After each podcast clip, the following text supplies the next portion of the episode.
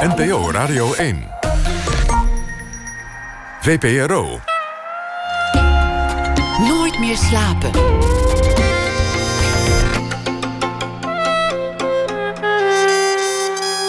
Met Pieter van der Wielen. Goedenacht en welkom bij Nooit meer slapen. Mijn gast komend uur is moedig en onbevreesd. En niet omdat hij ondanks corona naar de studio is gekomen. Het is hier namelijk uitgestorven. Niet letterlijk, maar ik bedoel, iedereen is naar huis. Die onbevreesdheid, dat blijkt meer uit zijn levensloop tot nu toe. Nico Norte, hij was beroepsmilitair, Hollywood-acteur, pelgrimkluisenaar, stierenvechter in Spanje en toen weer militair. Moedig leven is zijn motto. Niet bang zijn. Hij heeft een boek geschreven over zijn jaren als soldaat in Uruzgan, Afghanistan. En dat uh, boek dat ligt voor mij, Onvoorspelbaar Verleden. Laten we het woord avontuur even vermijden, want dat klinkt wervend en daar is geen enkele reden voor. Hij schrijft: We voerden geen oorlog, we maakten oorlog. Een scène. Man rijdt door een verlaten provincie en bedenkt zich dat iedereen in staat is hem te vermoorden. En dan bedenkt hij zich dat alles beter zou zijn als hij er gewoon niet was. Hij is het probleem. Nico Norte, geboren in 1964 en dit boek is zijn tweede boek. Nico, hartelijk welkom. Leuk dat je bent uh, gekomen. Dankjewel, ik vind het leuk om hier te zijn. Je woont tegenwoordig in Oostenrijk. Ja. Je bent nu even over op je boek te, te promoveren. Ja, te, en te uh, bevorderen. waarschijnlijk blijf ik even, want Nederlanders mogen Oostenrijk niet meer in. Dus je zit, hier, je zit hier nu vast opgesloten door uh, de coronamalaise. Of het zo erg is, weet ik niet, maar het lijkt er even op. Hoe is het daar? Wat, wat voor maatregelen worden daar nu genomen? Uh, ik heb, het laatste wat ik hoorde is dat de, het seizoen is afgelast. Dus de, de, de, het hele winterseizoen is stopgezet. De lift draait niet meer. En uh, dat, dat, dat is voor zover ik de, de, de regels ken nu in Oostenrijk. Ik geloof dat het ook zo is dat we met niet meer dan vijf mensen bij elkaar mogen komen. dat soort maatregelen zijn er. Die, die weer anders zijn dan bijvoorbeeld hier in Nederland of in Frankrijk. Ik, ja, als we terugrijden daar naartoe moet ik me even erin verdiepen. En kijken of ik überhaupt nog naar binnen kan. Of op welke voorwaarden. Ik moet waarschijnlijk een gezondheidsverklaring hebben. Maar het is iets afwijkend van uh, hoe hier de kaarten geschud zijn. Het lijkt in ieder land net iets anders. Elk land kiest eigen accenten, eigen deskundigen. En allemaal hebben ze ook een net iets andere variant van de ziekte ja. die wordt geschetst. Ja. En de, de verspreiding daarvan. Ja, er lijkt, voor zover ik het begrepen heb, gaan er dus een aantal uh, varianten van die ziekte rond. Uh, wat me een klein beetje verbaast is dat er dus in ieder land een andere regelgeving is. En ik had verwacht dat dat in Europa toch nu wel iets centraler geregeld zou zijn. We hebben natuurlijk al een paar waarschuwingen gehad dat dit zou kunnen gebeuren. Dus je, je verwacht dat er wat noodscenaria zijn, maar niet. Dus uh, dat verbaast me een beetje. Ik vond wel de, de, het verhaal van premier Rutte vond ik een, een, een krachtig verhaal, een duidelijk verhaal. Alleen wat natuurlijk uh, raar is, dat uh, als je 200 kilometer verder kijkt, is er weer een ander verhaal. En dat, uh, die afstand maakt volgens mij voor zo'n virus niet zoveel uit. Dus dat, dat verbaast me een beetje. Maar Want Macron ik, zei op een aantal dingen weer net iets andere dingen dan, ja. dan Rutte. De grote lijnen waren hetzelfde, maar ze ja. hadden een aantal verschillen van inzicht. Nou, voor zover ik begrepen heb, is, is Frankrijk dan nu toch in een uh, volledige lockdown gegaan. En Nederland nog niet. Ja. En de argumenten die uh, premier Rutte aandroeg om dat niet te doen, die vond ik uh, heel erg sterk. Ik had vlak daarvoor een uitzending gezien op televisie waar uh, een grafiek aangaf dat bijvoorbeeld in Singapore en Hongkong juist de besmetting heel erg laag was. En ik had verwacht dat dat hoog zou zijn vanwege de dichtbevolktheid daar. kwamen mensen aan het woord en die zeiden van nee hoor, wij uh, krijgen niets opgelegd van de overheid. Of dat waren ze, weet ik niet, maar weinig van de overheid. En wij regelen onze eigen zaken. Dus wij doen mondkapjes voor, we wassen onze handen en we houden afstand tot elkaar. En dat helpt. Nou, als ik dan weer dat spiegel aan wat meneer Rutte zegt, dan uh, kan dat misschien nu helpen. Maar zouden die mensen dan over een paar maanden weer getroffen kunnen worden? Het is allemaal heel erg uh, moeilijk om, om precies te begrijpen. Maar ik Iedereen denk dat, tast in uh, het duister, want ja. het, is, het is nieuw tenslotte. Ja. Leef je er zelf ook naar? Ben je, ben je zoveel mogelijk binnengebleven? Vermijd je sociale contacten? Nee, maar ik heb wel een beslissing genomen vanavond. En dat heeft wel deels te maken met wat, uh, wat ik, wat ik uh, premier Rutte hoorde zeggen. Ik, ik, ik ben een, een, eigenwijs mens en ik ben heel snel geneigd om dat te zeggen van onzin. Uh, elkaar geen handen geven en, en, dat soort dingen. Maar ik heb besloten om, om, om, om niet daar eigenwijs in te zijn. En gewoon ook daar aan mee te helpen. Dus ik uh, geef ook voorlopig even geen handen meer en probeer sociale contacten te mijden. Hou een beetje afstand en uh, uh, dat soort zaken. Dus ik probeer eigenlijk aan zijn oproep gehoor te geven. En, Die oproep is heel duidelijk. Hè? Als je van mensen houdt, vermijd ze. Ja. Als je sociaal bent, dan doe je even niet sociaal. Nou ja, zo kan ik even doorgaan. Lijkt me een heel duidelijke oproep. Ik vraag het ook een beetje omdat na het lezen van je boek ik me kan voorstellen dat je sceptisch staat tegenover alles wat autoriteiten je vertellen. Wat jij hebt meegemaakt in Afghanistan, daar is je de hele tijd een verhaal voorgespiegeld, het publiek een verhaal voorgespiegeld. En als ik je boek lees, dan denk ik, die man heeft wantrouwen opgebouwd. Ja, dat, uh, dat, dat, uh, dat is er. Nou, niet per se naar autoriteit. Dat, dat, Niet in ik ben er niet zo mee bezig. Maar uh, ja, wat er natuurlijk in Afghanistan is voorgevallen, dat. Dat, dat is wel heel erg uh, schokkend. Vooral omdat, uh, en ik ben daar vandaag ook weer mee geconfronteerd, de discrepantie tussen wat bijvoorbeeld een PR-afdeling van Defensie uh, zegt en wat de legerleiding doet. Er zit een groot verschil tussen. En ik denk dat dat bij een organisatie als Defensie nou net niet zo moet zijn. Kijk, we weten natuurlijk allemaal dat als we iets in de supermarkt kopen, dat het misschien iets minder geweldig is dan de reclames ons beloofd hebben. Maar PR van een krijgsmacht die moet denk ik toch zo nauw mogelijk aansluiten bij wat die krijgsmacht daadwerkelijk doet. En uh, ik heb niet het idee dat dat het geval is. Het is een oud gezegde. In een oorlog is het eerste dat sneuvelt de waarheid. Ja, ik ben bang dat dat hier uh, ook geldt. En dat die waarheid een uh, heel erg eigen leven is gaan leiden. En uh, dat we zaken heel erg zijn gaan omdraaien. We hebben een groot, aantal PTSS-slachtoffers in, in Nederland. ik vind dat een heel erg groot aantal slachtoffers. Um, er zijn heel veel bommen en granaten gegooid in, in, in bijvoorbeeld Oeruzgan. En op basis daarvan zeggen we nu van ja, dan is het dus heel erg geweest. En uh, daar ben ik het niet helemaal mee eens. Ik was daar, ik was daar twee jaar. Uh, ik heb dat van heel dichtbij allemaal mogen aanschouwen. En ik vond dat optreden niet zo, uh, niet zo denderend. En, Jij zegt, er was geen vijand. Ja. We vochten tegen een niet bestaande vijand. Ja, dat is absoluut mijn mening.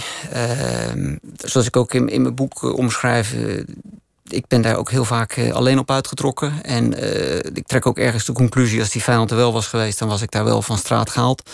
Um, wij hebben onze eigen vijand daar gemaakt... door een manier van optreden die, die niet uh, bij die situatie paste. En die, die, die vijand werd Taliban genoemd. Nou, die Taliban was daar niet, die had daar niets te zoeken. Die was ook op dat moment in de geschiedenis helemaal niet georganiseerd. Die, die, die, die, die bestond feitelijk niet. Er waren mensen die zich zo noemden. Maar er was geen vijand die die naam verdiende. Maar op het moment dat je een punt 1 een vijand in het leven roept... en punt 2 die vijand dan zo noemt... dan creëer je een beeld van die vijand... waar soldaten logischerwijs ook weer op gaan reageren. En er is op een moment in die geschiedenis in Oeruzgan een soort uh, negatieve uh, spiraal ingetreden. Waarbij steeds meer mensen als vijand werden gezien. Steeds meer uh, geluiden en dingen die daar gebeurden als vijandelijk werden gezien. Daar werd onmiddellijk heel erg op gereageerd. En dat is niet meer goed gekomen. Het beeld dat wij hier kregen duidde wel degelijk op een vijand veldslagen, ja. hevige schietpartijen, uitwisselingen van, van mortieren en ander geschut, ja. bermbommen. Nou ja, er is één woord dat er gelijk uitspringt uh, in, in, in, in wat jij zegt, dat is het woord uitwisselingen. Uh, daar ben ik het niet mee eens, want er was geen sprake van uitwisselingen. Uh, er werd, mijn zinziens, heel buitenproportioneel gereageerd op wat er ook gebeurde in dat voorterrein. En ik denk dat we gewoon even bij het begin moeten beginnen. Als je praat over een missie in Oeruzgan, denk je logischerwijze aan de provincie Oeruzgan. Dat is een grote provincie. Um, in die provincie, daar uh, stelden we ons slechts verantwoordelijk voor een heel klein stukje grondgebied. Daar lieten we ons zien en nergens anders. Nou, dat stukje grondgebied dat was niet groter dan een, een, een 100 vierkante kilometer. Ik heb vanmorgen eventjes uh, gegoogeld en heb geleerd dat uh, Texel 400 zoveel vierkante kilometer heeft. Dat betekent dat we het dus hebben over een kwart van Texel. Dat is niet zoveel. Dan moet je ook nog eens voorstellen dat we ons feitelijk op Texel niet lieten zien, maar er omheen reden. Dat is uh, tot heel lang de, de, de, de manier van optreden in uh, Oeruzgan geweest. Dus een stuk van 20 bij 20 ongeveer, dat werd, werd beheerst je moet uh, drie uh, driehoekige gebiedjes uh, rekenen... die een kilometer of tien lang waren... en een gemiddelde breedte hadden van pak een beetje drie kilometer. En dan kom je uit op 100 vierkante kilometer. En daar gingen wij dingen doen. Maar dat was niet meer dan dat we daar langs reden achter voortschuifelende genisten aan met metaaldetectors die dan speurden naar bermbommen. En uh, ja, dat is uitnodigend voor een, een, een, een, een publiek dat daar woont en die dat ook helemaal niet zien zitten. En die mensen die openden wel degelijk af en toe het vuur op ons. Maar die waren dan ook gelijk weer verdwenen. En dat vuur werd dan weer door ons uh, met een enorm geweld uh, beantwoord. Met zoveel geweld dat soms een, een, helft van een basic load van een peloton was verdwenen. de helft van de munitie was er al binnen een paar minuten doorheen. Ja. Terwijl je normaal gesproken in een veldslag zou proberen zuinig te zijn Uiteraard, met je kogels. Probeer je te sparen. Want je weet niet wat er nog meer gebeurt. Je weet niet wat er komen gaat. En uh, vooral in een conflict dat speelt in bijvoorbeeld Oeruzgan... is het natuurlijk de, de, de, de cruciaal dat je gewoon wacht. Wat is er nu precies aan de hand? En dan ga je pas reageren. En uh, in dat hele fenomeen zaten nogal wat hiaten. Want uh, een commandant mocht zelf bepalen hoe hij reageerde op een tik-situatie, troops in contact. Als hij uitriep dat hij zich in een tik bevond, stond het hem vrij te handelen uh, zoals hij dacht dat goed was. En in veel gevallen betekende dat ontzettend veel schieten. Ik heb daar vanaf de eerste dag dat ik daar was tegen geageerd en uh, vond geen bijval. Het heeft tot de vijfde battlegroup geduurd. Een battlegroep die daar vier maanden. En de vijfde, dan ben je dus al twintig maanden onderweg. Tot ik een uh, hoger officier bereid vond om naar me te luisteren. Die is ook meegeweest met een, dat beschrijf ik in mijn boek, met een patrouille waar zoiets dan ook gebeurde. En die kwam terug. Zei, ja, Nick, je hebt gelijk gehad. Dat, uh, er wordt buitenproportioneel gereageerd. Waarop mijn vraag natuurlijk was: van, nou, en nu? Wat gaan we nu doen? Ja, we kunnen niks doen. Want als de commandant te velde een tik uitroept, dan mag hij doen wat hij wil. Dus we waren na al mijn uh, gedoe uh, aan een letterlijk dood paard niet veel verder gekomen. Je beschrijft ook dat, dat er regelmatig, en dat, dat is ook wel logisch, op de verkeerde werd geschoten mensen die bezig waren met hun irrigatiesysteem werden aangezien voor iemand, voor mensen die bommen aan het leggen waren. Ja. Mensen die onduidelijk waren geweest over hun walkie-talkie en afgeluisterd werden voor terroristen aangezien. Ja. Mensen in huizen werden ineens beschoten omdat vermeend daar vanaf was geschoten, maar het was niet helemaal duidelijk of dat ook zo was. Nee, dat was eh, voortdurend onduidelijk. Maar uh, daar was nu eenmaal heel veel Taliban. En alle, alle, alle berichtgeving die, die, die, die binnenkwam, werd daar uh, naartoe gestuurd. En je moet natuurlijk begrijpen dat, in tegenstelling tot bijvoorbeeld de Amerikanen die een jaar dienen in een conflictgebied, dienden Nederlandse soldaten, behalve ik dan, vier maanden in zo'n conflictgebied. En dat is te weinig. Van die vier maanden waren die jongens een grote periode bezig om in te roteren, een grote periode bezig om uit te roteren. En daartussen zat een periode waarin ze konden opereren. En die periode was te kort om uh, bekend te raken met het gebied waarin ze moesten opereren. En om, om bekend te raken met de gewoontes, de geluiden, de manieren van, van optreden van de burgers die daar leefden. Het is eenvoudigweg te kort. Dan kwamen de jongens daar ook nog eens aan met een beeld van een, een, een Taliban als vijand die op ons zou liggen te wachten daar. En dat kan natuurlijk helemaal niet. Veel knapen, en dat zeg ik niet omdat ik dat denk, maar omdat ik met die knapen het voorterrein introk, die waren bang van een eigen schaduw. En reageerden ook op die manier. En dat is absoluut fout, vind ik, in een dergelijk uh, conflict. Daar horen mensen te weten wat ze te wachten staat. En ze horen daar langer te dienen, zodat ze de soldaten waren gebeurt. nerveus, ze hadden geen idee waar ze terecht kwamen. En jij schetste ook een beeld van een land waar iedereen wel een wapen draagt. En, en waar bij het minste of geringste dat wapen ook getrokken wordt. Mm, nee, dat, dat laatste is, is, uh, is niet waar. Uh, veel Afghanen droegen in elk geval toen ik daar aankwam. En ik kwam daar al maanden voordat die missie begon, was ik al in dat inzetgebied. En ik liep daar over straat, trof mensen met wapens aan. En daar was ik niet bang voor, want het was niet mijn eerste conflictgebied waar ik was. En dat, dat, dat, daar leer je mee omgaan. Maar waar ik wel bang voor was, is dat daar niet uh, fatsoenlijk op gereageerd zou worden door Nederlandse soldaten die binnenkort zouden binnenstromen. Dus ik heb toen uh, iets bedacht. Ik heb kaartjes uitgedeeld. Ik heb aan mensen waarvan ik hun wapens afnam. Op die kaartjes konden ze lezen in hun eigen taal dat ze die wapens weer terug konden, op konden halen bij de poort van de, de, de, het Nederlandse kamp op vertoon van dat kaartje, waar ik op de andere kant in het Engels had laten schrijven: deze man zoekt contact met de Nederlandse uh, militaire politie. Dus ik trok die Kalashnikovs van de straat. Zo beleefd als ik dat kon doen. En die mensen konden ze ook weer ophalen. Uh, en dat hielp, want uh, na heel weinig tijd waren er geen Kalashnikovs meer op straat. Uh, die Kalashnikovs werden daar gedragen omdat het nou eenmaal een. een het is een statussymbool voor heel veel mensen daar. En je kunt er rustig vanuit gaan dat iemand met kwade bedoelingen dat ding niet in het zicht draagt. Alleen ik was er erg bang voor dat dat wel zo zou worden uitgelegd. Dus tref je iemand die kwade bedoelingen heeft, dan draagt hij zijn wapen onder zijn, zijn, zijn kledingstukken. Wat ik wel wist, eh, daar werd ik vaak mee geconfronteerd dat de meeste mannen bewapend waren met een pistool. Maar ook dat eh, is allemaal status. Dat heeft allemaal te maken. Die dingen werden uitgedeeld voor ons door de Amerikanen. En ja, die mensen hadden die dingen nou eenmaal. Maar daar is naar mijn optiek nooit enige dreiging van uitgegaan. En los daarvan had ik het eigenlijk al voor elkaar dat die dingen uit het straatbeeld van in ieder geval Tarankot waren verdwenen voordat Nederlandse troepen eraan kwamen. Je, je schrijft op een zeker ogenblik: Ik ben hier het probleem. Als ik hier niet zou zijn, met andere woorden, als wij hier niet zouden zijn, zou er eigenlijk helemaal geen probleem zijn. Nee, en daar sta ik volledig achter. Dat, uh, wat wij daar kwamen zoeken, is mij tot op de dag vandaag een raadsel. Uh, wij waren daar, we bouwden daar een gepantserde stad op de plek waar een, een volstrekt perfect tentenkamp stond. Maar wij zouden onder panzer gaan slapen. Uh, dus daar werd een, een, een, hele stalen stad gebouwd.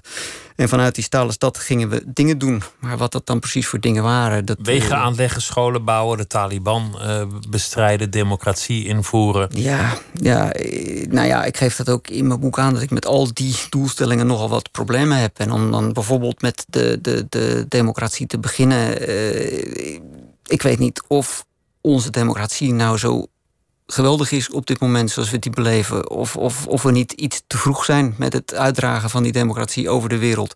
Je hebt in eh, Afghanistan een, een, een systeem dat in mijn optiek perfect werkt. Die mensen leven daar conform de Pastunwali. Dat zijn ongeschreven gedragsregels die ze uh, blind toepassen, zonder uitzondering toepassen.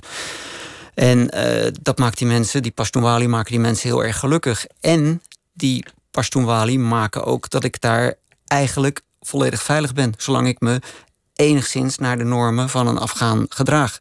Nou, je gedragen naar de normen van een Afghaan is niet door hun land rijden met uh, groepen soldaten zo groot als een peloton. dat is een verordening die ooit werd ingesteld dat er niet mocht worden geopereerd buiten de posten door uh, eenheden kleiner dan een peloton. Betekent dus dat daar uh, vijf, zes panzervoertuigen voortdurend, of niet voortdurend, maar als er dan de poort te verlaten werd, dan trok er een groep van vier, vier vijf, zes panzervoertuigen die poort uit. Schuifelende genist met een metaaldetector daar voorop. Ja, dat, dat, dat, dat werkt niet in dat land. En als je het probleem analyseert dat daar mogelijkerwijs had kunnen zijn, dan uh, moet je gaan opereren uh, conform een systeem dat counterinsurgency heet. En dat betekent dus dat je zo bewegelijk mogelijk bent, dat je in zo klein mogelijke eenheden opereert. En als we dat hadden gedaan, had dat ook veel meer respect uh, opgeleverd bij de bevolking. Waren wij gewoon als kleine eenheid waren we onder die Pastunwali gevallen. Hadden mensen ons ook niet lastig gevallen. Hadden we een enorm gebied onder observatie kunnen houden. Eh, s'nachts, op alle momenten. Had dus niemand daar een bermbom kunnen leggen. Uh, al die voorstellen heb ik gedaan tijdens mijn tijd daar. Constant weer. Soms kreeg ik uh, enig aansluiting met, met officieren waarmee ik werkte. Maar veelal niet. Er was natuurlijk een verschil tussen de battlegroup die het werk daar deed en de taskgroep die daarboven stond om de zaken aan te sturen. Nou, met de meeste battlegroup-officieren kwam ik heel goed door een eh, deur. En die begrepen ook wel wat mijn uh, kritiek was en, en hoe ik dat wilde verbeteren. En die, die, die, die zagen ook wel dat dat zou moeten en zou kunnen. Maar dat werd voortdurend gedwarsboomd door de officieren van de taskforce. Dus we kwamen niet heel veel verder. Ik beschrijf geloof ik één, één missie in mijn boek... Uh, waar we de vrijheid kregen om er met één MB, een Mercedes, op uit te trekken. En met, met vier man. Nou, dat was voor iedereen een unicum dat dat kon. Want eigenlijk daarvoor was ik de enige die in zijn eentje daar opereerde. En verder... Mensen kwamen altijd gewapend, gepantserd en, en beschermd als ze al naar, naar het stadje toe kwamen? Nou ja, als er al buiten werd geopereerd, dan was het in grote eenheden. En die lieten zich ook op die manier zien, maar die lieten zich dan weer niet. En dat kan ik natuurlijk de individuele soldaten niet verwijten. Die maakten nou eenmaal onderdeel uit van zo'n zogenaamde SUA, de Smallest Unit of Action, een peloton. Maar dat ging in enorme eenheden gepanzerd voorwaarts op het tempo van een, iemand met een metaaldetector die daarvoor uitliep. Ja, dat maakt op en afgaan geen indruk. Het enige wat je daarmee creëert is dat hij af en toe het lef heeft om schoten te lossen op zo'n zich verplaatsende eenheid. Ja, dan kun je dat een, een vuurgevecht noemen. Ik noem dat een schot lossen op. En dat is een heel groot verschil. Je kunt dus ieder schot dat op je gelost wordt, daarvan kun je zeggen van ja, ik bevind me in een vuurgevecht en ik schiet ook terug. En er gebeurt, ja. Maar je noemt het hooliganisme. Ja, dat, ik denk ook dat dat een juiste. ik, ik hou dat ook stug vol in, in, in, in, in mijn boek. Het waren hooligans, het waren jongelui die wij eigenlijk stimuleerden om ons op die manier uh, uh, ja, af en toe onder vuur te nemen. Om, om, op een goed moment is er midden in een bewoond gebied een kamp gebouwd. En ja, dat, dat kon iedereen voorspellen en dat voorspelde ik ook. Van joh, als dat kamp eenmaal gebouwd is, dan gaat dat beschoten worden met RPG's. Dat is iets dat je, waar je om vraagt in een land als Afghanistan. Je bouwt daar een kamp. Dat kamp heeft voor de mensen geen enkel doel. Die weten niet wat jij daar komt doen. Die weten niet wat je van plan bent. Die zien het alleen maar als een bedreiging, als een inmenging, als iets dat, dat onprettig is. Ja, eh, als ik daar geleefd zou hebben en ik was 20 jaar oud geweest of 25 jaar oud, dan was ik met mijn vrienden op dat kamp gaan schieten dat, dat, dat, daar had je me niet van kunnen weerhouden. En dat deden jongelui daar dus ook. En de bemanning van dat kamp vervolgens voelde zich bedreigd. Schoot weer met alles wat we hadden terug op het bewoonde gebied rond dat kamp. En, zo escaleerde het. Nou, nou lees ik veel verhalen van uh, veteranen. Ook veel van nabestaanden van mensen die daar uh, om het leven zijn gekomen. Van Nederlandse militairen. En er wordt vaak gezegd, we deden het voor de goede zaak. We hebben veel bereikt. Uh, we, hebben, we hebben ons onze zoon heeft het leven gegeven voor de vrede, de democratie, noem maar op. Ja. Vond je het eng om dit boek te schrijven? Ja, Want ik kan me voorstellen uh, dat, je, dat je veel narigheid over je afroept. Ja, dat heeft me heel erg dwars gezeten. En uh, heeft me ook lang opgehouden om dit uh, op schrift te stellen. Er waren natuurlijk een paar dingen. Ik, had, ik, ik ben er blind van uitgegaan dat er op een moment mensen zouden opstaan die zouden zeggen van uh, wat wij daar gedaan hebben is niet conform de gedachte die er nu over is. Uh, dat is niet gebeurd. Um, er is een, een, een, een inlichtingofficier die heeft een boek geschreven. Uh, die, die, die, die, die, die lijkt deels met mij mee te gaan in mijn ideeën van er was geen Taliban. Maar hij schrijft dan weer over, over, over allerlei tribale verhoudingen en, en mensen die machtsposities hadden die dan weer problemen creëerden. Nou, ook dat creëerden wij, want wij gaven die mensen die machtsposities. Wij stelden gouverneurs aan. Wij gaven mensen wapens en geld om weer iets voor elkaar te krijgen waarvan niemand wist wat het was. Maar uh, er zijn wel mensen om het leven gekomen daar. En dat is natuurlijk. Uh, nou ja, ik, het gekke is, ik omschrijf het ergens dat ik aanwezig ben. Ik dit neem deel aan een Amerikaanse missie. Ik word ergens met een helikopter naartoe gevlogen. Ik krijg ook binnen die missie een opdracht om iemand te beveiligen, een, een hoogwaardigheidsbekleder. Uh, dat doe ik ook. Dus ik loop met die hoogwaardigheidsbekleder de nacht in. Ik kom in een kwala terecht waar uh, vier Special Forces uh, militairen ook weer een eigen taak uitvoeren, Amerikanen. En terwijl ik daar aan het wachten ben op wat ik uiteindelijk moet gaan doen met mijn hoogwaardigheidsbekleder, komt via de radio een bericht binnen van weer een andere Amerikaanse eenheid die onder vuur ligt, 100 kilometer bij ons vandaan. Via de radio horen we dat, dat geweervuur. En we horen op een gegeven moment dat die Amerikaanse eenheid een slachtoffer uh, pakt. En daar overlijdt op dat moment een Amerikaanse sergeant. En heel gek genoeg uh, kwam op dat moment dat ontzettend hard bij mij binnen. Van uh, er is dus nu een, een, een moeder in Amerika, die, of niet nu, maar over, over een uur of over 24 uur, die het bericht krijgt dat haar uh, zoon is gesneuveld voor de, voor de goede zaak. En, en, en wat er toen gebeurde, was natuurlijk een totale depressie op dat moment in die kwala. Iedereen was in, in, in ontreddering. En, en heel erg, heel, het was heel erg indrukwekkend wat er toen gebeurde. Dat is natuurlijk ook uh, 25 uh, Nederlandse ouders overkomen. Die hebben dat. en en ja. naar wat jij zegt, om niks.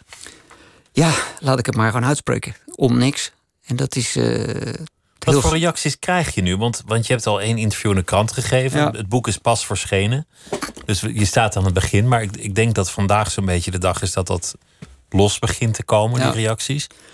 Ik ben uh, heel erg geschrokken van de, van de reacties. En nou zou ik willen zeggen positief geschrokken, maar dat past niet in deze, deze context. Maar ik had verwacht dat er bijvoorbeeld hele boze veteranen zouden zijn. Uiteraard zijn er een paar van. Maar er zijn, uh, ik heb veel reacties gekregen van... van uh, ben blij dat dit verhaal naar buiten komt. Uh, respect. en uiteindelijk zijn daar zelfs verhalen aan toegevoegd. Hele persoonlijke verhalen van mensen die ik dan binnenkrijg... via media die ik zelf nog niet heel goed begrijp. Maar dingen als Messenger. En, en, en krijg ik verhalen binnen van mensen die me, die me echt wel heel erg uh, raken. Van andere veteranen? Van, van veteranen. Die, die uh, dus ook zeggen van... Uh, man, wat ben ik blij dat er nu iets gezegd wordt. Want ik kamp hier al 13 jaar mee. Ik kamp hier al 10 jaar mee. En, Waar kampen ze mee? De zinloosheid of, of andere dingen? Nou, de dingen die gebeurd zijn. Ik, ik, ik, ja, ik, kan dan een voorbeeld geven van het, het, het verhaal dat ik binnenkreeg... Uh, net voordat ik uh, hier naartoe ging eigenlijk. En uh, daar ben ik zo van geschrokken dat ik even moest gaan zitten. Dat is een jongen die heel openhartig en eerlijk schrijft... van, nou, ook van, van ik ben heel blij dat je nu naar buiten komt. Ik heb 13 jaar geleden in een situatie gezeten... dat ik naar een heuveltop werd gestuurd... op basis van walkie-talkie berichtgeving... er werd mij een kwala aangewezen waarin Taliban zou zijn. Nou, het vervelende is dat ik me onmiddellijk in die situatie kan verplaatsen. En ook onmiddellijk weet dat walkie-talkie-verkeer niet kan aangeven dat er ergens uh, Taliban-strijders zijn. Ik beschrijf dat ook in mijn boek, hoe, hoe hooligans uh, ons bang probeerden te maken met verhalen over fruit, dat dan weer mijnen zou voorstellen of wat dan ook. Dat was allemaal onzin en daar moet je mee leren leven. Vier maanden is daarvoor tekort. Maar goed, die jongen is uh, naar een heuveltop gestuurd moest een kwala in de gaten houden. Zo beschrijft hij dat, uh, waar dan onze vijand zich in zou bevinden. Gewoon zo'n zo, zo hut? Ja, een, een kwala, leme hutten, daar wonen ja. mensen in. Dat, dat is nou helemaal zo en dat zijn hartstikke mooie dingen, die, vond ik. Maar het kwala is een, een, een Afghaans huis. Hij moest dat in de gaten houden. uiteindelijk kreeg hij de opdracht daar een aantal schoten op te lossen. Er kwamen in paniek mensen naar buiten. En nogmaals, zo beschrijft hij dit. Maar hij beschrijft het echt wel heel uh, beangstigend eng. Uh, hij gaf via zijn radio's door dat die mensen niet gewapend waren. Hij kreeg desalniettemin de opdracht om daarop te vuren. En deed dat ook. En, uh, heeft dus onschuldige burgers. Nou, het, het, gekke is, en dat heeft me ontzettend geraakt in, in wat hij schreef. Uh, hij, hij schrijft dat zelfs tijdens het bevuren van die mensen, dat hij daar nog een goed gevoel over had. Omdat hij de zekerheid had dat hij zijn vijand bevocht. En dat hij pas later thuis is uh, tot hem doorgedrongen van... Uh, jongen, wat heb ik nu toch gedaan? Uh, wat, wat, wat, wat, dit, dit, dit, dit, dit kan niet. En hij is tot hele andere inzichten gekomen. Hij heeft gezien dat, dat, dat hij tegen alle rules of engagement heeft gehandeld. Hij beschrijft daarna nog een paar dingen. En daar kan hij mee, al 13 jaar. Hij is... het, doet, het doet mij ook denken aan het verhaal in een andere oorlog in Irak... waarbij de minister-president zich niet kon herinneren ooit iets te hebben gehoord over bombardementen die burgerdoelen hadden geraakt. Ja, dan raak je natuurlijk een heel gevoelig uh, punt. Uiteraard is dat nieuws ook bij mij terechtgekomen. Ik ben daar ook uh, van geschrokken. Want ik vind dat uh, het kabinet op de hoogte hoort te zijn van de bommen die wij afgooien. Uh, ook al zijn het er zoveel als dat er in Oeruzgan werden afgegooid. Het kabinet hoort daarvan te weten. En het is een van mijn drijfveren geweest om, om mijn boek te schrijven. Dat ik ook uh, heel langzaam het gevoel begin te krijgen dat die, uh, dat die krijgsmacht opereert als een soort autonome organisatie. Die langs dat kabinet manoeuvreert op de een of andere manier. En ik denk niet dat dat goed is. Um, er zijn natuurlijk in, in Oeruzgan bijvoorbeeld veel politici langsgekomen. Die laten dan even hun gezicht zien en kletsen met de mensen waarmee ze mogen kletsen en verdwijnen weer. Hetzelfde geldt voor de pers. Uh, de pers is natuurlijk toch uh, voor een democratie een soort reserveparachute. Die pers is, is toch heel vakkundig buitenspel gezet in, in, in Oeruzgan. Die kregen te horen wat ze mochten horen en meer niet. Heel veel persmensen wisten dat, maar dachten van ja, maar ja, als ik niet schrijf wat ik moet schrijven of niet doe wat ik moet doen, mag ik nooit meer terugkomen. Dus ik, ik, kies eieren voor mijn geld. Omdat ze embedded alleen maar daar verslag konden doen. Ja, en alleen maar mochten praten met de mensen die, die, die, waarmee gepraat mocht worden. En, en, en mensen die de stoere verhalen vertelden. Of de, de, de, de verhalen van, van, van scholen die opgebouwd werden en wat, wat, het, wat het ook was. Maar het werkelijke verhaal, daar waren die mensen niet bij betrokken. En uh, ja, dat is natuurlijk het kleine voordeel dat ik wel had. Ik ben daar twee jaar lang wel gewoon op alle fronten bij betrokken geweest. Maar nu ben ik eventjes kwijt waar je om gevraagd had. Want ik, nu. Nou, mijn vraag is eigenlijk dat er. Of de stelling eigenlijk die hieruit volgt, is dat er veel meer. Mm. Mensen zijn vermoord, onschuldige mensen uh, om het leven zijn ja, gekomen. En dat niemand daarvan weet. Dat het nou, ik, ik, ik, ik, ik, weet het weer. Want je, je, je begon over de, de, de, de burgerdoden die zijn gevallen bij een, een bombardement uh, in, in, in, in 2015, waarvan de, de, de, de, onze premier zegt van nou, daar, daar weet ik niks van. Dat, is, dat vind ik kwalijk. Hij hoort dat, dat te weten. Ik, ik denk zelfs dat van iedere bom die door Amerikanen wordt gegooid, de Amerikaanse president wel degelijk op de hoogte is. Die wordt daarover gebriefd. Die wordt ook op de hoogte gesteld van eventuele burgerslachtoffers die zijn gevallen. Hij wordt zelfs van tevoren op de hoogte gesteld, of in ieder geval zijn kabinet, van burgerslachtoffers die kunnen vallen als er bommen gegooid worden. En ja, ik vind dat heel beangstigend dat dus die krijgsmacht dingen kan doen die blijkbaar ons kabinet eh, niet, niet weet. En daar is natuurlijk uiteindelijk die, die, die, die, die rel uit voortgevloeid of, of aan vooraf gegaan van, van kabinetsleden die dan zeggen van ja, daar zijn moorden gepleegd. Ik vind dat onhandig van een kabinetslid om dat zo te, te bewoorden. Want daarmee maak je natuurlijk van een. een, een, een, een je verwisselt bijzaken en hoofdzaken dan met elkaar. En dat, dat is onverstandig. Waar ik die kabinetsleden wel gelijk geef, is dat ze uh, proberen uh, de verantwoordelijke minister ter verantwoording te roepen. Van wat is er nou toch gebeurd? Dat hoort een kabinetslid ook te doen. Het leger mag dat niet binnenhouden. Voor, voor wie het inschakelt, Nico Noorten zit tegenover me, heeft een boek geschreven, Onvoorspelbaar Verleden, over zijn, zijn oorlogservaringen in Afghanistan. Je hebt, je hebt daar een aantal keer zelf ook je leven geriskeerd. Of je bent in een situatie gekomen dat de kogels je letterlijk om de oren floten. Ja, dat, lijkt me, dat lijkt me moeilijk om te doen als je er niet meer in gelooft.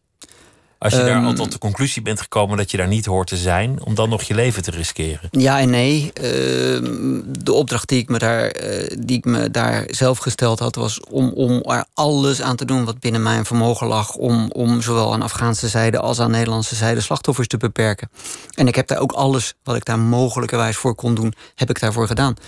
En uh, dat daar dan bij hoort dat af en toe iemand op je schiet. Ja, dat, dat, dat, ik heb dat nooit als bezwaarlijk ondervonden, want dan had ik geen soldaat moeten worden. Dat is een, hetzelfde als een brandweerman die, die bang is voor vuur. Dat, dat, dat, dat gaat niet samen. bij je werk. Dat, dat lijkt me. Een, een ander deel van soldaat zijn is dat je gezag accepteert. Ja, autoriteit. Dat, dat zou voor mij reden zijn om nooit soldaat te worden. maar ik denk dat jij in die zin ook niet heel geschikt was. Uh, nee, beslist niet. Um, hoewel dat. Uh, daar kun je twee kanten eh, op, op redeneren. Ik heb natuurlijk met een aantal officieren gewerkt, vooral toen ik daar net aankwam, die wisten dat wat ik deed niet helemaal door de beugel kon, maar die me min of meer de hand boven het hoofd hielden. Ik, ik, ik, ik heb dat ook op die manier omschreven in, in mijn boek. Uh, ik heb heel veel vrijheid gekregen. Maar ik heb me inderdaad aan, aan iedere vorm van onzinnig, onzinnige autoriteit ontrokken. En dan kun je zeggen, ja, wie ben jij dan om, om, om, om, ja, om dat te beoordelen? Het boek maakt het onderscheid niet. Nee, dat, uh, maar ik, ik heb me daar een, een, een, een redelijk unieke positie kunnen verwerven. Deels door de kennis die ik al opgedaan had voordat uh, er überhaupt troepen aankwamen. En uh, deels omdat ik er gewoon op uittrok. Ik trok wel dat bewoonde gebied in waar soldaten niet wilden zijn. Ik sprak wel met mensen. Ik, en, en uiteindelijk kreeg ik daar ook wel min of meer toestemming voor. Maar eh, ook weer niet. Want als de, de, de, de werkelijk hogere echelons, dus die taskforce, daarvan had geweten, dan, dan was dat toch afgekapt. En een aantal dingen werden ook afgekapt. Uh, wat ik deed was veel uh, afdalen in carressystemen. er wordt gefluisterd dat daar de carressystemen, dat zijn de, de, de, de ondergrondse watersystemen, waar Afghanen eigenlijk net zo listig in zijn als dat wij listig waren in windmolens en in polderen. Het zijn hele knappe watersystemen. Daar daalde ik in af en dan ging ik op zoek naar uh, eventuele wapenopslagen die er waren. En, nou, dat werd dan uiteindelijk verboden van hogerhand. Dat, dat, omschrijf ik ook ergens. Het verbod zou ik aan hebben gelapt als ze niet ervoor zorgden dat het sportbureau op de op het kamp Holland mij niet meer de touwen meegaf die ik nodig had. En dat soort dingen. Dus uh, soms werd ik gedwongen uh, uh, me ondergeschikt te maken aan autoriteit. Maar waar ik me eraan kon onttrekken, deed ik dat. Maar tegelijkertijd wel weer met de instemming van een aantal officieren dat wel degelijk begreep dat, dat waar ik mee thuis kwam, de informatie, dat die zinvol was. En dat ook wel. Ze hadden ook wel weer vertrouwen in je. Hoe, hoe ben je eigenlijk daar beland? Want, want je bent al veel eerder beroepsmilitair geweest. Je hebt, je hebt een enorm leven achter de rug van heel veel andere dingen. Dat noemde ik in de inleiding. Je bent stierenvechter geweest, acteur in Hollywood geweest, ja. kluisenaar, pelgrim. Nou ja, ga zo maar door. Je, je hebt tal van dingen gedaan. Hoe, hoe kwam het in godsnaam dat je, dat je weer ineens daar in uniform in Afghanistan zat? Ik uh, wilde per se naar Afghanistan. En als ik één ding in mijn leven heb geleerd, is dat als je iets eh, werkelijk wil, en nou wordt het allemaal heel erg wollig, maar als je iets echt wil, dan gaat het dus ook gebeuren. En, waarom wilde je dat zo graag? Nou, omdat ik ergens een. een ik heb aan de zijlijn uh, het Nederlandse leger zien uh, opereren. Wat ik al eerder zei, Afghanistan of Oeruzkan was niet mijn eerste conflictgebied. En uh, ik, ik, ik, ik had van tevoren al het gevoel dat dat op de een of andere manier spaak zou lopen. En dat, dat is niet eerlijk, want hoe, hoe kan ik dat weten? Dat, dat was een gevoel, meer was het niet. En uh, ik moest naar Oeruzkan. En dat is ook uh, gelukt. Ik, ik, ik, ik, was in Oeruzkan. Maar, maar was het idealisme of was het een hang naar avontuur of had je persoonlijke redenen? Nou, ik kan, zou een, een leugenaar zijn als ik uh, zou zeggen dat ik geen hang naar avontuur heb. Dus dat, dat, dat is natuurlijk, speelt zonder twijfel een rol. Um, ja, nee. Uh, natuurlijk was er een hang naar avontuur, maar dat is niet mijn, mijn eerste drijfveer geweest. Want ik had ook op eigen doft naar uh, kunnen gaan of, of naar willekeurig welk conflictgebied. Dat was helemaal avontuur. Nou ja, niet alleen is het uh, meer avontuur, maar het is financieel natuurlijk veel aantrekkelijker. En ik kan nog wel even doorgaan. Je hebt meer vrijheden, je hebt meer. afhankelijk. dus dat, dat had gekund. maar ik wilde met de Nederlandse krijgsmacht naar Oeruzkan. Dat, dat is ook gelukt. En ik heb daar ook, ook alle tijd die ik daar was kunnen doen wat ik wilde doen. En dat was toch proberen die mensen die daar aankwamen in godsnaam duidelijk te maken dat het allemaal niet zo erg was. En ik heb de vrijheid gekregen, zeker de eerste tien maanden dat ik daar was, om, om, om dat ook te doen. Ik mocht ook de, de pelotons die aankwamen inwerken met ze mee uh, dat voorterrein in. Maar het grote nadeel was dat we dat niet konden doen op een verantwoorde counterinsurgency manier. Dus met uh, gewoon losse en beetjes dat voortrein in, uh, in het veld overnachten. Uh, maar het was die mening die jou al bracht om naar Oeruzgan toe te gaan in ja. eerste instantie. Ja. Ergens in jouw leven moet er een soort wending zijn geweest. Nico Norte is niet je oorspronkelijke naam. Dat is niet de naam nee. die op je geboortecertificaat stond. Dat, dat duidt al op een soort wedergeboorte die, ja. die ergens heeft plaatsgevonden. wanneer was dat? Ja, dat is inmiddels al, al meer dan 30 jaar geleden. Uh, wedergeboorte.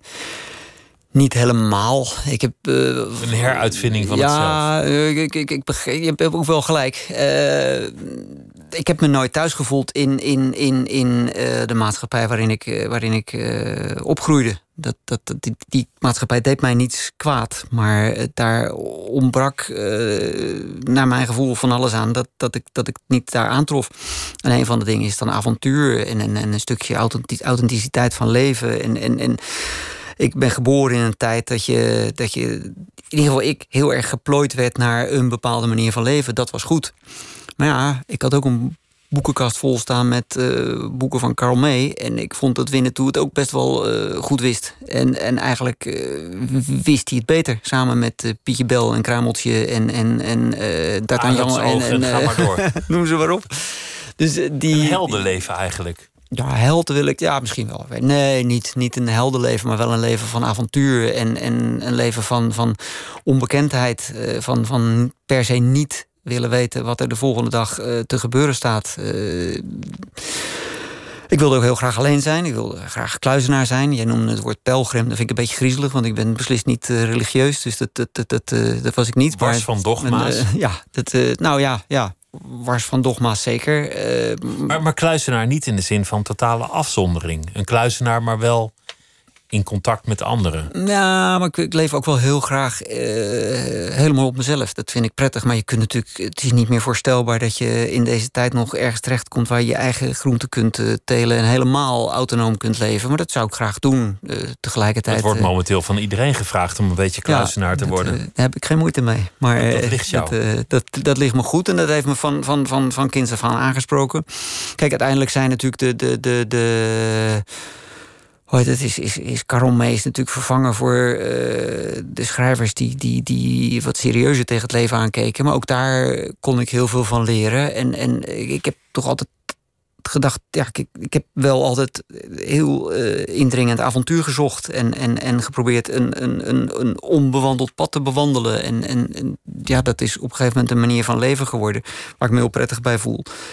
En die me eh, over heel de wereld gevoerd heeft en me, en me heel erg veel uh, heeft gebracht. Want je, je grootste avontuur, naast de oorlog in Afghanistan moet toch wel zijn dat je, dat je stierenvechter hebt weten te worden. Ja, dat was een. Uh, als als Nederlander. Ja, ja, nou, nou, hebben de meeste Nederlanders een, een mening over stierenvechten, maar dat vind ik nu even niet zo interessant. Ik vind het nu even interessant dat jij in zo'n wereld thuis weet te maken, dat je daar doordringt en dat je dan op een gegeven moment ook in zo'n pak oog in oog met een, met een dolle stier staat. Ja, dat is ook, ook zeker terugblikkend is dat natuurlijk uh, heel apart geweest. Uh, ik heb een, een, een, confrontatie achter de rug. Uh, ooit, ik ben ooit per ongeluk in Spanje terechtgekomen. Er was geen, geen, geen, geen doel, er was geen een soort stemmetje had ik in mijn hoofd... van daar zou je misschien goed kluizenaar kunnen worden. En als het daar niet lukt, misschien in het noorden van, van Marokko. Trok me ook wel aan. Dus ik, ik, ik ben daar naartoe gegaan. Heel dom kwam ik in, in, in Marbella terecht. Nou, dat is nou niet de plek waar je makkelijk kluizenaar wordt. En dat is ook geen weerspiegeling van het Spaanse leven. Maar goed, ik, ik, ik kwam daar terecht en uh, zag daar ook uh, in de buurt in Malaga per ongeluk een corrida. Ik zag iets aangekondigd en dacht, nou ja, die moet ik, dat moet ik dan maar gaan zien. Ik dacht dat dat helemaal niet meer bestond. Ben ook uh, ontsteld weggevlucht uit Spanje. Ik heb een aantal maanden daarna doorgebracht in, op het Marokkaanse Rifgebergte bij twee hashish-telende en smokkelende broers. Nou, dat was een geweldige tijd. Ik heb daar alles geleerd over de, over de, de, de, de hashishhandel en, en, en wat er allemaal mee samenhangt. Dat was echt fantastisch. Ik heb daar lange uren op mijn knieën blokken, blokken hashish zitten persen en weet ik veel wat er allemaal bij hoort. Maar ik was daar om na te denken. En eh, ik heb daar maandenlang zitten piekeren en in mijn dagboek zitten schrijven. En heb uiteindelijk besloten van er moet, er moet hoe je het went of keert, meer zijn achter dit fenomeen dan ik in eerste instantie heb, heb eh, waargenomen. Achter dat stierenvechten. met mijn bevooroordeelde uh, gedachten, want dat waren ze. Anders, anders dan loop je niet, niet boos weg. En uh, ik heb allemaal argumenten opgeschreven van waarom moet het meer zijn. Nou, een van de dingen was natuurlijk dat ik in een arena zat met meer dan 20.000 mensen. Nou, dat, gaat je niet lukken om zoveel mensen te verzamelen om iets barbaars te zien. Ik had heel veel argumenten. Je, kon niet geloven dat het alle 20.000 dierenbeuden waren. Nee, dat, dat is moeilijk om, om te bevatten. Dus die mensen in mijn optiek kwamen daar om, om meer te zien. Nou, heel lang verhaal kort. Ik ben naar Spanje teruggegaan. En uh, moest, uh, of ik dat wilde of niet, Spaans leren. Dat is gelukt. En ik ben werk gaan zoeken op boerderijen waar die, uh, die vechtstieren werden gefokt. En dat heb ik een aantal jaren gedaan. Ik heb een aantal jaren gewerkt. Ik heb leren paardrijden en, en ben als een soort Spaanse cowboy. Heb ik daar geleefd tussen de stieren, met stieren. Tussen de stieren geslapen. de stieren van, van, van kinds af aan op zien groeien. Wat gebeurt daarmee? Waarom gebeurt dat daarmee? Ik heb natuurlijk alle vragen kunnen stellen die ik wilde stellen. Maar er werd me ook een uniek beeld achter de schermen gegund. Zoals ik dat ook in, in Oeruzkan heb gekregen. Ik, zag alles wat daar in die wereld gebeurde. En dat was erg uh, intrigerend en, en, en, en, en, en, en mooi, vond ik. Uh, dan bedenkend dat uh, in, in, in, in de westerse wereld ieder achtste gefokte dier gewoon wordt weggegooid in plaats van opgegeten, trof ik daar gewoon een hele zuivere, mooie wereld als het gaat om, om, om dier. En ik vond toen dat ik mijn plaats moest zien te vinden in die corrida. Wil ik daar dan een, een, een toeschouwer zijn? Wil ik daar een, een, een misschien een fokkerknecht zijn? Of, uh, en ik heb toen tegen mezelf gezegd: nee, als ik dan het onderste uit de kan wil halen, dan, dan wil ik matador zijn. Nou, dat is niet een beslissing die je moet nemen als je 33 bent. En die moet je ook niet nemen als je een Nederlander bent. En uh, ik heb die beslissing toch genomen. En ik kom weer hetzelfde verhaal. Ik wilde dat worden, punt uit. Dus uh, werd ik dat. Het is nagenoeg onmogelijk dat je als Nederlander daar aankomt... en dan op die leeftijd al en dat je zegt, dit wil ik. Nou, het is, opgegroeid het is, in die traditie. Uh, kijk, dit is niet om mezelf op mijn schouder te kloppen. Dat is natuurlijk onzin. Maar het, het is zelfs voor Spaanse jongens is het uh, eigenlijk onmogelijk. Er zijn, natuurlijk, ik bedoel, er zijn meer uh, Spaanse jongens die het ambiëren om matador te worden... dan dat ze voetballer of piloot willen worden. En die proberen dat allemaal en, en, en, en die komen daar niet doorheen. Nou, ja, of ik geluk heb gehad of, of ik weet niet wat er is gebeurd... maar ik heb de juiste mensen getroffen waarmee ik aan, aan het trainen kon slaan... Uh, maar een arena konden ze me niet inhelpen. Dus ik heb me op, op de een manier een arena ingekocht op een bepaald moment nadat ik een jaar getraind had en, en dacht dat ik daar klaar voor was. Niet beseffend dat die jongens natuurlijk 10, 15 jaar trainen. Maar, maar hoe is dat als je dan voor het eerst daar staat? Want het, het, publiek wil eigenlijk maar één ding weten. Niet, niet wie wint, want, want uiteindelijk zal de stier niet winnen. Nee. Wat ze willen weten is, is zal uh, meneer Norten in zijn broek plassen of niet als die stier binnenkomt? Zal die gaan beven? Zal die zijn, ja. zijn, zijn gezicht verliezen? Nou, het gekke is dat je, dat je. Er is een zeker vergelijking met bijvoorbeeld een, een, een vuurgevecht. Hoewel natuurlijk uh, die stier daarvan weet je dat hij ooit binnenkomt. En dat vuurgevecht overvalt je. Uh, maar toch, op het moment dat je het, het, het, het, het, het zand van een arena opstapt. in je trache de loeses en als matador gelijk als het moment waarop er in een vuurgevecht op je wordt gevuurd, komt er iets van, van rust over je. Van ja, eh, vluchten kan niet meer. Weet je, er is nog maar één, één ding dat ik kan doen. Ik, ik zal mijn angsten onder ogen moeten zien. Ik zal ze zelfs op dit moment even opzij moeten zetten. En ik moet mijn ding doen. Uh, nou ja, mijn ding doen de eerste keer dat ik in een uh, arena uh, optrad was catastrofaal. Ik werd aan alle kanten door die arena geslingerd en ik maakte geen schijn van kans. Maar niet, niet gewond geraakt? Ja, dat, dat, ik heb toen vrij lang moeten, moeten herstellen. Ehm, dat, dat heeft wel een goed deel van een jaar gekost. Maar uh, uiteindelijk heb ik, ben ik, heb ik toch weer kunnen gaan trainen. En uh, ik, ik, ik, ik, ik wilde daar geen genoegen mee nemen. Dat ik een, enorme clown van mezelf had gemaakt in een, in een arena. En, en ik heb daar echt niet, niet, ook niets. Ik bedoel, ik was daar en daar is ook alles mee gezegd. En, uh, dus Word je dan uitgelachen?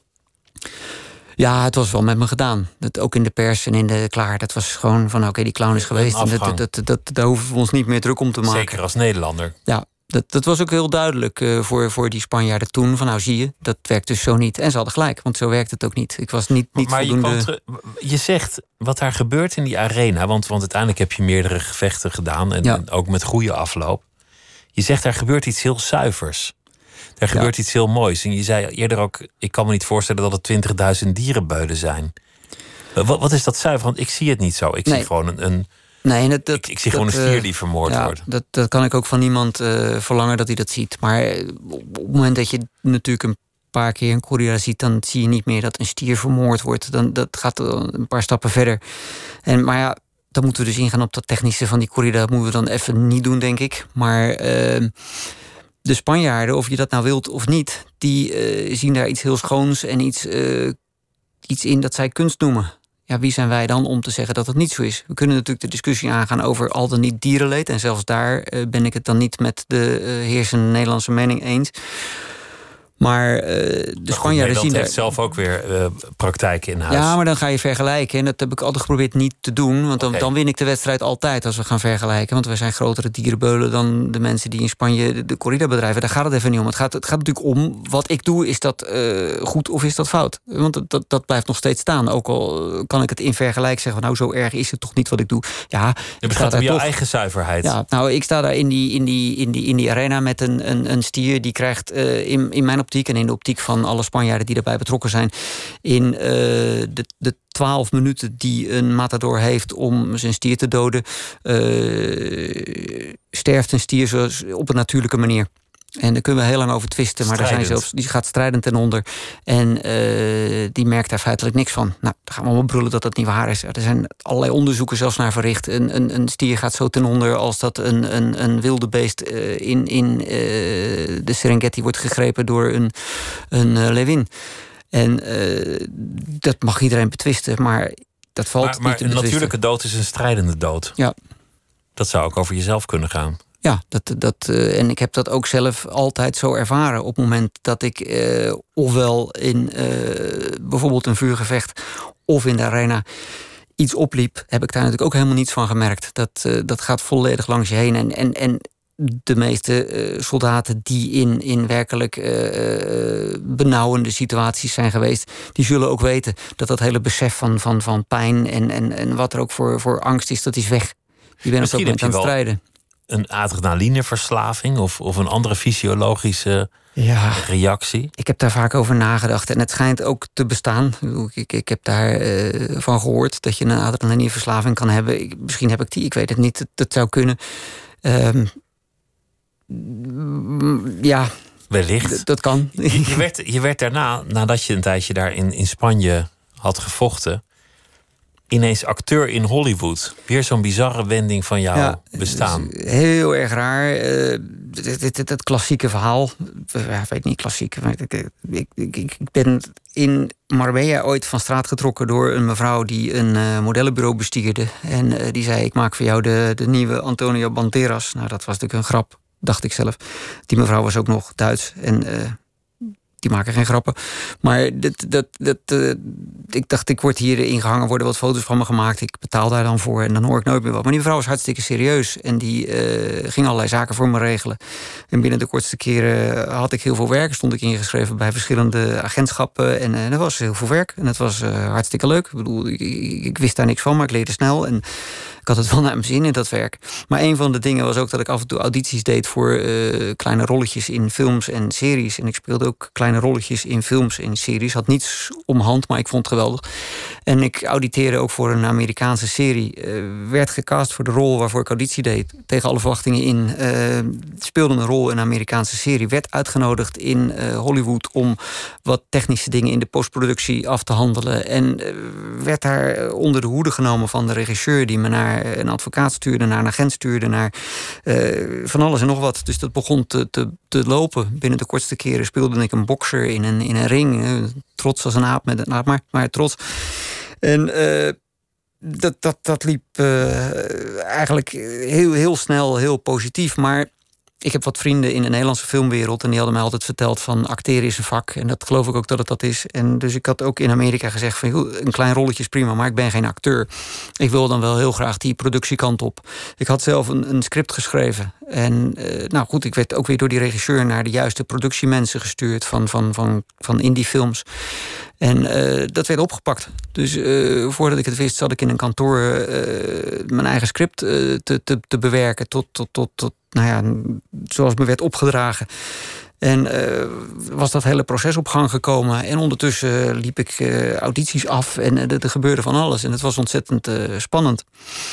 Maar het was op dat moment in de geschiedenis dat ik een, een mailtje kreeg van een jongetje in Nederland. En het jongetje in Nederland had naar de televisie zitten kijken in Nederland. En daar werd een documentaire of een reportage uitgezonden die Reinhard Oerlemans had gemaakt van mij in Spanje. Ik reisde voortdurend heen en weer tussen Spanje en, en Los Angeles. En dat jongetje was, was mijn zoon, waar ik al enige tijd van gescheiden leefde. Uh, ook weer een lang verhaal, maar goed, dat, dat, dat, was nu eenmaal zo. En zij kunnen we elkaar zien. En zei, nou, natuurlijk kunnen we elkaar zien. Dus uh, twee weken eh, daarna troffen wij elkaar. En hij bleef bij mij. Dus ik was plotseling fulltime vader. vader. verzorger. Ja. Toen ja, stond ik voor een dilemma. Want ik, ik, ja, eigenlijk had ik geen andere keus dan toch eventjes mijn avonturenleven uh, uh, een halt toeroepen. En ik, uh, ja, ik ben toen voor mijn kind gaan zorgen. En dat, dat, dus ik ben ook weer in, in Nederland gaan wonen, in, Rotterdam. Hij ging daar naar school. Dat probeerden we wel zoveel mogelijk te vermijden. Dus we hadden nog wel tijd om samen dan ook nog wel op avontuur te gaan. Maar in principe ging hij naar school. Uh, ik ben toen gaan werken aan een onderzoek over uh, gezondheid. Ik, ik, ik, ik ben me gaan afvragen wanneer de mens uh, op zijn gezondst was in zijn evolutie. En ik heb dat ook uitgevonden, ben dat gaan uitwerken tot een methode waarmee je kunt leven als uh, zeg maar een moderne holbewoner. En dat is ook een, een boek dat, ja, dat er verschijnen staat. Dat komt nog, maar dat, dat, dat, ik heb dat tot een manuscript verwerkt. En uh, ik, ik, ik, ik, pas die methode ook, ook toe uh, op mensen die om mijn hulp vragen. Maar dat, dat, daar hield ik me toen mee bezig. Uh, ik reisde nog wel af en toe, als het even kon, terug naar Spanje. En stond dan nog wel uh, af en toe uh, in een arena. Maar dat, dat was heel kort en, en snel. En um, dat is goed gegaan tot toch het avontuur echt te hard begon te trekken. En toen heb ik samen met mijn zoon een aantal, aantal uh, avontuurlijke dingen gedaan. Uh, reizen. Uh, die zouden dan elke keer twee weken duren, maar die duurden te lang. Dus hij werd van het SIOS gestuurd waar hij op zat, omdat hij te vaak niet aanwezig was. En toen wilde hij zich eh, fulltime in uh, de Amsterdamse uh, horeca storten als kelner. We waren naar Amsterdam verhuisd. En dacht ik, ja, dat is ook weer niet zo'n goed idee. Dus ik fluisterde zoiets door het huis over luchtmobiele brigade. En dat pakte hij snel op. Dus hij ging solliciteren, werd aangenomen. En uh, op het moment dat hij uh, in de opleiding ging, was eigenlijk ook het moment dat, uh, dat ik naar Arnhem vertrok en me meldde bij de luchtmobiele brigade en me in uniform hees. En halverwege zijn opleiding vertrok ik naar uh. En ja, daar is dan het onvoorspelbare verleden weer verder gegaan. Waar we begonnen. En jij woont nu in Oostenrijk, waar je voornamelijk bezighoudt met die gezondheidsvragen die ja. je eerder noemde. Ja. Wanneer in onze evolutie waren we het gezondst en Hoe kunnen we die gezondheid bevorderen? Ja, en of, of terugpakken. Het is hoe je het uh, wil noemen. Hoe kun je leven conform de genetische codering van je, van je leven, van je, van je lichaam. En uh, ja, ik werk natuurlijk nog steeds aan dat boek. Dat moet uh, toch eerdaags dan uh, voltooid zijn. Het is voltooid, maar je blijft natuurlijk bijschrijven en, en korter maken. En, dus de, dat daar gaat dan over, over bewegen, oerdieet, dat soort dingen? Ja, bewegen en... Stress vermijden. en, en ja, ja, dat is heel belangrijk, want dat is natuurlijk een, een enorme factor in ons leven. Maar bewegen en voeden. Zoals ons... Kijk, we, we geven onze... onze onze goudvis geen bonzo. En we geven ook onze hond geen goudvisvoer. Maar we voeden onszelf met uh, waar ons lichaam niet of waar ons lichaam geen raad mee weet. En de gevolgen daarvan zijn uh, vrij uh, desastreus. En er zijn heel veel mensen vandaag de dag die zeggen: ja, die gevolgen die zie ik niet langer zitten. Um, en die, die, daar kom ik dan mee in contact en die probeer ik te helpen. Daar moet ik dan heel uh, selectief in zijn. Want uh, ik kan het, het, begrip discipline gewoon niet onder het tapijt vegen.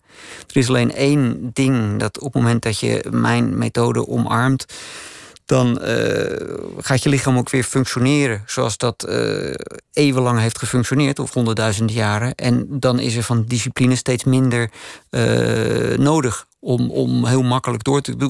Er wordt mij altijd verweten dat ik altijd met eten bezig ben. Dat is natuurlijk onzin. Ik ben daar nooit mee bezig. Ik, het gaat vanzelf, zo leef je inmiddels. En dat, dat ook, mijn lichaam heeft zich daarop... Ik heb nooit honger of ik heb nooit... Uh, ik ben altijd met spannende dingen bezig. Want daar heb ik de tijd voor. En daar heb ik nog steeds, godzijdank, het lichaam voor. En daar kan ik me dus op richten.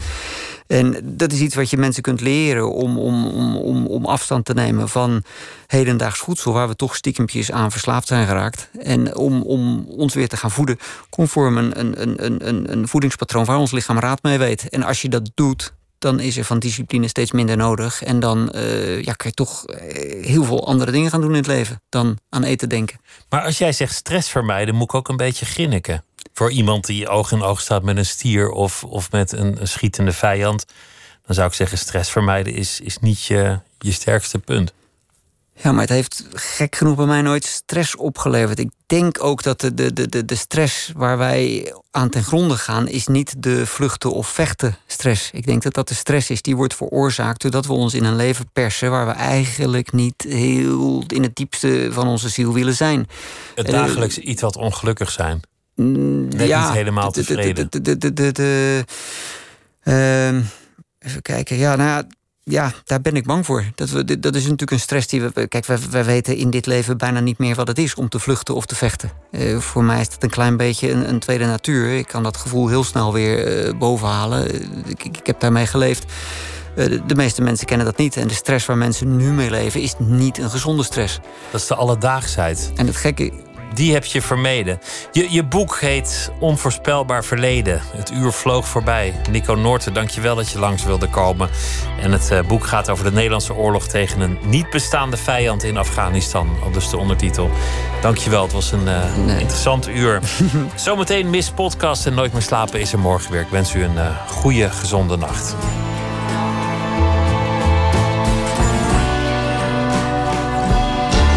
Op Radio 1. Het nieuws van alle kanten.